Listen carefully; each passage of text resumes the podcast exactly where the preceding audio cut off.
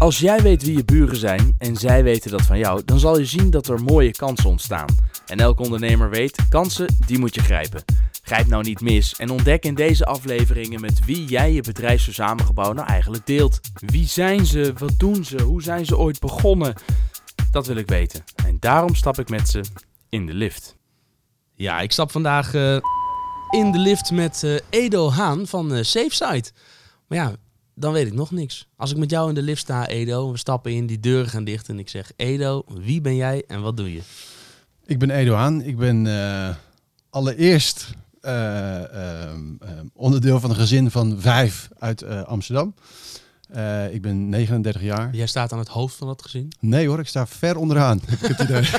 dus Maar jij bent de vader, dus niet dat je ben bent de- opgegroeid in een gezin van vijf. Nee, jij hoor. hebt een gezin van ja, hoor, Ja, oké. Ja. ja, ja, ja, ja. Ehm, dus ja, precies. Eh, En daarnaast eh, doe je een beetje ondernemen. Daarnaast on- onderneem ik eh, en ben ik eigenaar en oprichter van SafeSite. Ja.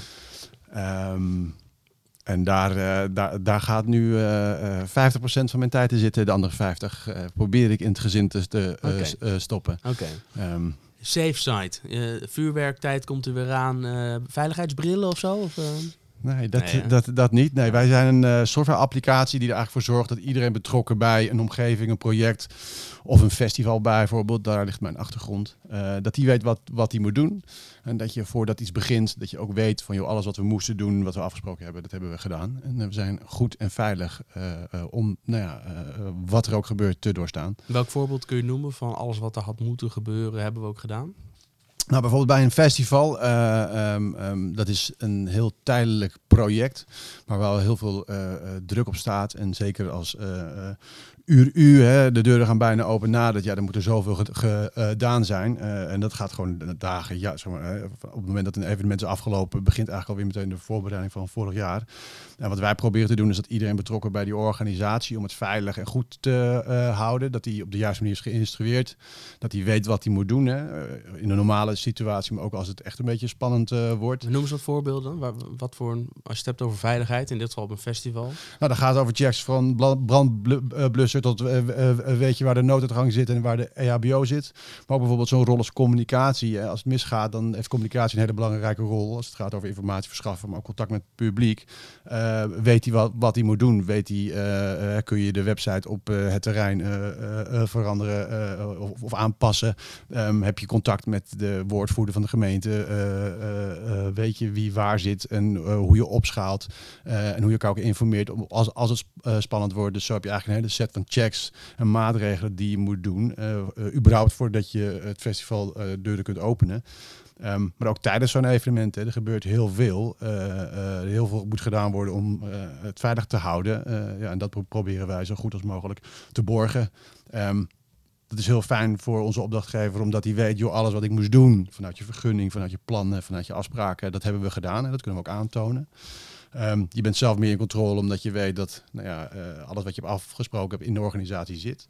Eh, en als achteraf ook is misgegaan, dan is het heel fijn dat je wel... Kan aantonen. Zeggen, kijk, we hebben wel degelijk over Ja. nagedacht. En we hadden alles, dachten we echt goed voor elkaar. Ja, en het is prima als het eh, dingen veranderen en, en, en, als het slecht weer, weer wordt eh, met onweer en storm, ja, dan, dan is het gewoon een hele hectische eh, tijd even. Maar het gaat ook vooral om dat je gewoon alles hebt gedaan wat je kon doen. Hè. Wat je, eh, het is ook een bepaalde inspanningsverplichting die je moet doen om het gewoon veilig te kunnen doen. Ehm, en het geeft heel veel rust als je dat ook weet dat je het hebt gedaan. Ik ben zelf veiligheidscoördinator geweest bij festivals. Ja, wat, wat, wat gebeurde daar waardoor het bij jou ging jeuken dat je dacht, hier is een software tool voor nodig? Een lege portemonnee, dat was denk ik, dat was denk ik het eerste. Ja, dat was even het. En toen ging je ondernemen en eh, Toen, was mijn- toen kreeg ik het derde kind en toen, eh, nee. werd, werd hij Eh, alleen maar leger. nee, maar het was, eh, ehm, ik heb een aantal keer zeg maar, ont- ontruiming meegemaakt. En eh, eh, ehm, toen op een gegeven moment was het weer het geval.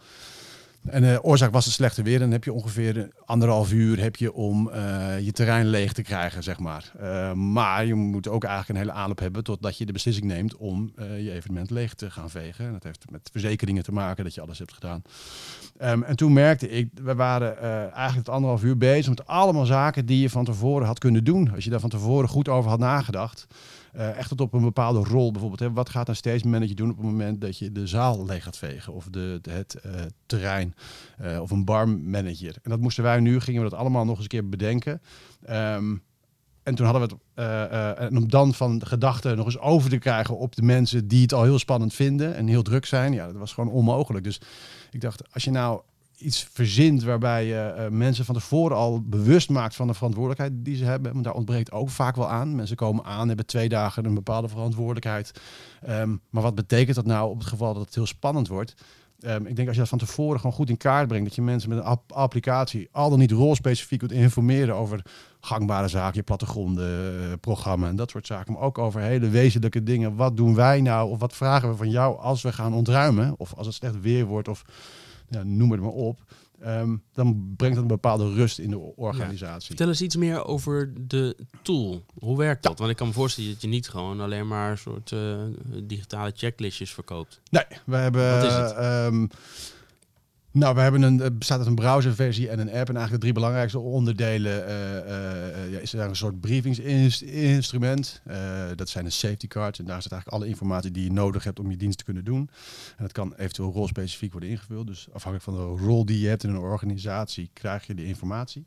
Een persoonlijke checklist die ehm, bepaalde taken ad hoc of regulier automatisch eh, uitstuurt. Ehm, en er zit een thermometer in. En we hebben to-do's en to-no's. Nou ja, zo kun je eigenlijk wel een beetje gaan spelen. En een derde onderdeel is een logboek in, in de cloud. En het idee is dat eigenlijk dat je met de mensen die daartoe geautoriseerd eh, zijn, dat je samenwerkt aan een journaal van de dag. Ehm, zeker bij zo'n evenement is het gewoon heel belangrijk dat je als veiligheidsverantwoordelijke of projectleider of productieleider gewoon weet wat er speelt en wat er gebeurt. En voorheen wordt dat heel slecht gelogd. Dus dan is het of in een Word documentje of een Excel documentje. Dan krijg je twee weken later krijg je, eh, een overzichtje. Terwijl ik wil het real-time zien. Ik wil gewoon weten wat speelt er. Eh, als er ergens vier keer een deur open staat, dan betekent dat iets. En dan is mijn verantwoordelijkheid dat ik daar actie op onderneem. Ehm, nou, dat zijn eigenlijk, en nu zijn we allemaal bezig met toetsen en bellen met GPS-tracking en, en, en check-in functionaliteit en nou ja, eh, formulieren functionaliteit. Dus je begint ook met een idee en dat wordt een soort veelkoppig monster en dat is nu ook de uitdaging. Hè? Wat is je focus? Ehm, want wat wij gedaan hebben, we hebben dus iets gemaakt voor festivals en we merkten eigenlijk al vrij snel, wens ook een beetje vader van de gedachte, hè, op het moment dat je het bij een evenement werkend krijgt, ehm, dan is de rest eigenlijk makkelijker. Dus dan gingen we van evenementen naar voetbalstadions, eh, naar gemeenten. Eh, we zijn nu bezig met veiligheidsregio's. Eh, we doen de rij in Amsterdam. Maar overal waar veel mensen bij elkaar komen. Ja, of waar je praat over protocollen en afspraken. En je wilt gewoon borgen dat je je dingen goed op orde hebt. We doen bijvoorbeeld ook de zwembaden in de gemeente Amsterdam. Alle gemeentelijke zwembaden. Die hebben ook gewoon een, eigenlijk elke dag een evenement. Ja, daar hebben we eigenlijk wel een oplossing, eh, een oplossing voor. En daar staat, daar staat in dat ze zoveel keer per dag eh, de pH-waarde en het chloorwaarde en zo moeten checken. En, Ja. en dat wordt allemaal gelogd. Ja, dat wordt allemaal vastgelegd. Maar het gaat ook over zaken als, eh, ehm, hè, als eh, bepaalde pro- protocollen of ontruimingen of plannen. Die moeten gelezen worden door het personeel. En die moeten daar gewoon voor, voor tekenen. Want je wil Ja. gewoon zeker weten dat ze het weten en dat ze het eh, eh, in hun bezit hebben. En wat wij eigenlijk willen doen is, we willen ervoor zorgen dat die mensen dat niet alleen maar weten en in bezit hebben, maar ook gewoon snel kunnen beschikken. Dus in die app kun je heel snel komen tot de kern van het vraagstuk wat dan speelt. Ehm, want het gaat erom, hè, als het spannend wordt, dan is het, eh, mensen moeten gebriefd zijn, mensen moeten hun taken hebben gedaan en moeten gewoon goed, goed beslaagd ten ijs eh, ko- eh, komen. Maar als er iets misgaat, dan moet je helemaal niet met je telefoon bezig zijn. Dan moet je gewoon Moet handelen. weten. Ja. Precies, en dan weet je het, dan is het fijn. En dan weet je van tevoren dat alles is gedaan. En dan is het, hè, dan heb je een warme fase en dan weer wat koudere fase. En dan is het fijn als je na een half uur, als het wat minder spannend is, dat je even toch je checklist kan checken. Ja. Dit moest ik doen. Nou, gedaan, gedaan, gedaan. Nou, die moet ik nog doen, dit moet ik nog- doen. En Ja. zo ben je toch een beetje beter in control. Hoe ehm, eh, ziet jouw verdienmodel eruit? Ja, we werken met licenties. Ehm, en nou ja, verschillende branches vragen ook een beetje om een verschillende aanpak. Maar dat varieert van drie eh, varianten tot twee varianten. Ehm, en ook het businessmodel is natuurlijk ook zelf aan eh, verandering onderhevig. Soms maandelijks, soms dagelijks. Ja. We proberen natuurlijk ook een bepaalde nou ja, vastigheid in te krijgen. Maar dat is ook nog wel eens lastig, want wij zitten natuurlijk, hè, we zitten in een omgeving, nou ja, het veiligheidsdomein. Nou, de belangen zijn natuurlijk vrij groot. Het is toch een kritisch bedrijfsproces. Nou ja, om daar met een innovatie te komen, ehm, ja, dat is een uitdaging. En wat is dan die uitdaging? Want je kan me juist voorstellen dat het Eh, Jawel, maar je moet over veel schijven gaan voordat mensen beslissen om überhaupt te innoveren. En dan ook eens welke innovaties eh, eh, zijn dat dan. Ehm, en dan wordt ook natuurlijk heel erg gekeken naar je track record. Want je veiligheidswerk of je veiligheidschecks in handen leggen van een start-up die drie maanden is begonnen. Dat Ja. is natuurlijk best een... eh, Hoe ging je daarmee om? Want in het begin had je helemaal geen track record, maar wel een goed idee. precies, maar ik was zelf veiligheidscoördinator bij festivals. Je Dus sprak in elk geval dezelfde taal. Ja, en eh, het was ook een beetje zo, als je met mij gaat werken, dan neem je dat ook mee, zeg maar. Dus dan, hè, dan kon ik het piloten bij mijn eigen pro pro projecten. En het mooiste natuurlijk bij festivals, daar is wel een bepaald eh, wil om te innoveren. Eh, die vinden dat ook wel mooi. Ehm, en als het dan ook werkt en draait, dan ehm, zijn ze heel snel geholpen daarmee. En dat werd als heel prettig ervaren. Ja, jij zei op een gegeven moment, eh, je hebt festivals, maar daarnaast krijg je ook andere kansen Ja. die zich aandienen. En dat, dat is, die hebben allemaal wel weer net iets andere wensen en behoeften, kan ik me zo voorstellen. Hoe ga je om met die focus? Waarom ben je, of ben je, ben- doe je dat überhaupt? Kijk je verder dan festivals? En, en waarom zou je niet gewoon alleen maar focussen op festivals? Hoe ga je daarmee om, focus? Ja, dat is een continue uitdaging. En dat is ook wel iets wat continu speelt. Ehm, natuurlijk ben je als, nou ja, ondernemer dan maar, zeg maar, hè, toch wel geneigd als je eens een kans ziet om daar dan vol in te springen. Ja, Liefst met twee benen gestrekt eh, erin. Ehm, het geluk is het, het, het- wat wij doen, de, de processen en de app- applicatie aan, zichzelf, die is best wel universeel in te zetten. Dus we hebben ook één programma wat eigenlijk alles ondersteunt. Maar de inhoud, de checks, de processen en dat soort zaken, die zijn wel branche-specifiek. Ehm, en wat wij dan nu doen, is hè, we duiken erin. Ehm, en waar we voorheen er wel een beetje ja, eh, enthousiast in daken, ben je nu wat kritischer. Eh, en kijk je wel wat meer van, van tevoren, joh, wat, hè, hoe, hoe, hoe gaat het rendement eruit zien? Eh, eh, hoe kan je het licentiemodel nou opbouwen, dat je er ook nog wat aan overhoudt? Ja. Want in het begin... Hou je wat dan overal? Ben je al zelfvoorzienend? ik ben, ja, dat is een beetje hoe je het bekijkt. Hè. Wij blijven natuurlijk heel veel inv- investeren nu in het product. Eh, maar als je die continue investering zeg maar, omlaag brengt naar onderhoud en eh, service en een klein beetje doorontwikkeling, dan draaien we bijna kiet. Nou ja. Ehm, je ook het begonnen? doel. Ben je, ben je met eigen geld begonnen? Of, eh, Ja. eh, en hebben jullie investeerders, vreemd vermogen? Ja, ik heb een aantal eh, angel investors. Ehm, ik ben het eh, eh, zelf begonnen, maar vrij snel een, een, een, een software architect aangehaakt. Ehm, nou, dan hebben we eigenlijk de eerste rondes hebben we dat mee, gedaan met z'n tweeën. Eh, en nu zijn er eh, twee angel investors eh, eh, ingestapt. Ehm, en het doel was om de, de, nou ja, dit jaar zelfvoorzienend te zijn. ehm, om dan volgend jaar die stap te zetten. Maar ik merk gewoon, hè, dan komen we bijvoorbeeld bij een RAI. en die hebben, want een, een, een stadion of een evenement is één feest. Maar bij de RAI zijn er zes tegelijkertijd met één meldkamer en één BHV-ploeg en dat soort zaken. Dus dat vraagt weer een andere benadering. Maar daardoor worden onze systemen wel zo aangepast dat het voor de rest ook alleen maar beter gaat. Het Ja. wordt steeds stabieler en makkelijker. Schaalwaarde. En schaalbaarder. Dus Dus die investeerders zeiden prima dat het dit jaar nog niet Ja. zelfvoorzienend is, maar hier gaan we op inzetten. Ja, ehm, en dat is het belangrijkste. Dat je, ehm, en dat is het mooie ook. Wij krijgen steeds meer klanten in verschillende domeinen. Maar het zijn wel de, ook wel de opdrachten die je wilt. Hè. Toen op een gegeven moment als we Feyenoord eh, kregen, ja, dat heeft een bepaald aanzien. En Ja, dat werkt, we merken het gewoon. Met de RAI is ook weer iets. Dat heeft een bepaald aanzien. Hè. We zijn eh, dit jaar ook begonnen voor Borussia Mönchengladbach. Dat is gewoon een hele grote club in Duitsland. Ehm, nu helaas de, num- de nummer twee. Maar goed, eh, eventjes steeds. koploper hè? geworden. Ja. Ehm, maar dat heeft, dat heeft een bepaald aanzien. En daardoor kwam Mainz eigenlijk vrij snel over de brug. Ehm, dus dat werkt gewoon. En nu zijn we bij Duitsland ook bezig met tweede divisieclubs. Met Weeën en Karlsruhe. En nou, daar zit nog wat meer in. En, en, en, en zo zie je dat je een bepaalde scope hebt. En dan zijn stadions als zich is natuurlijk mooi.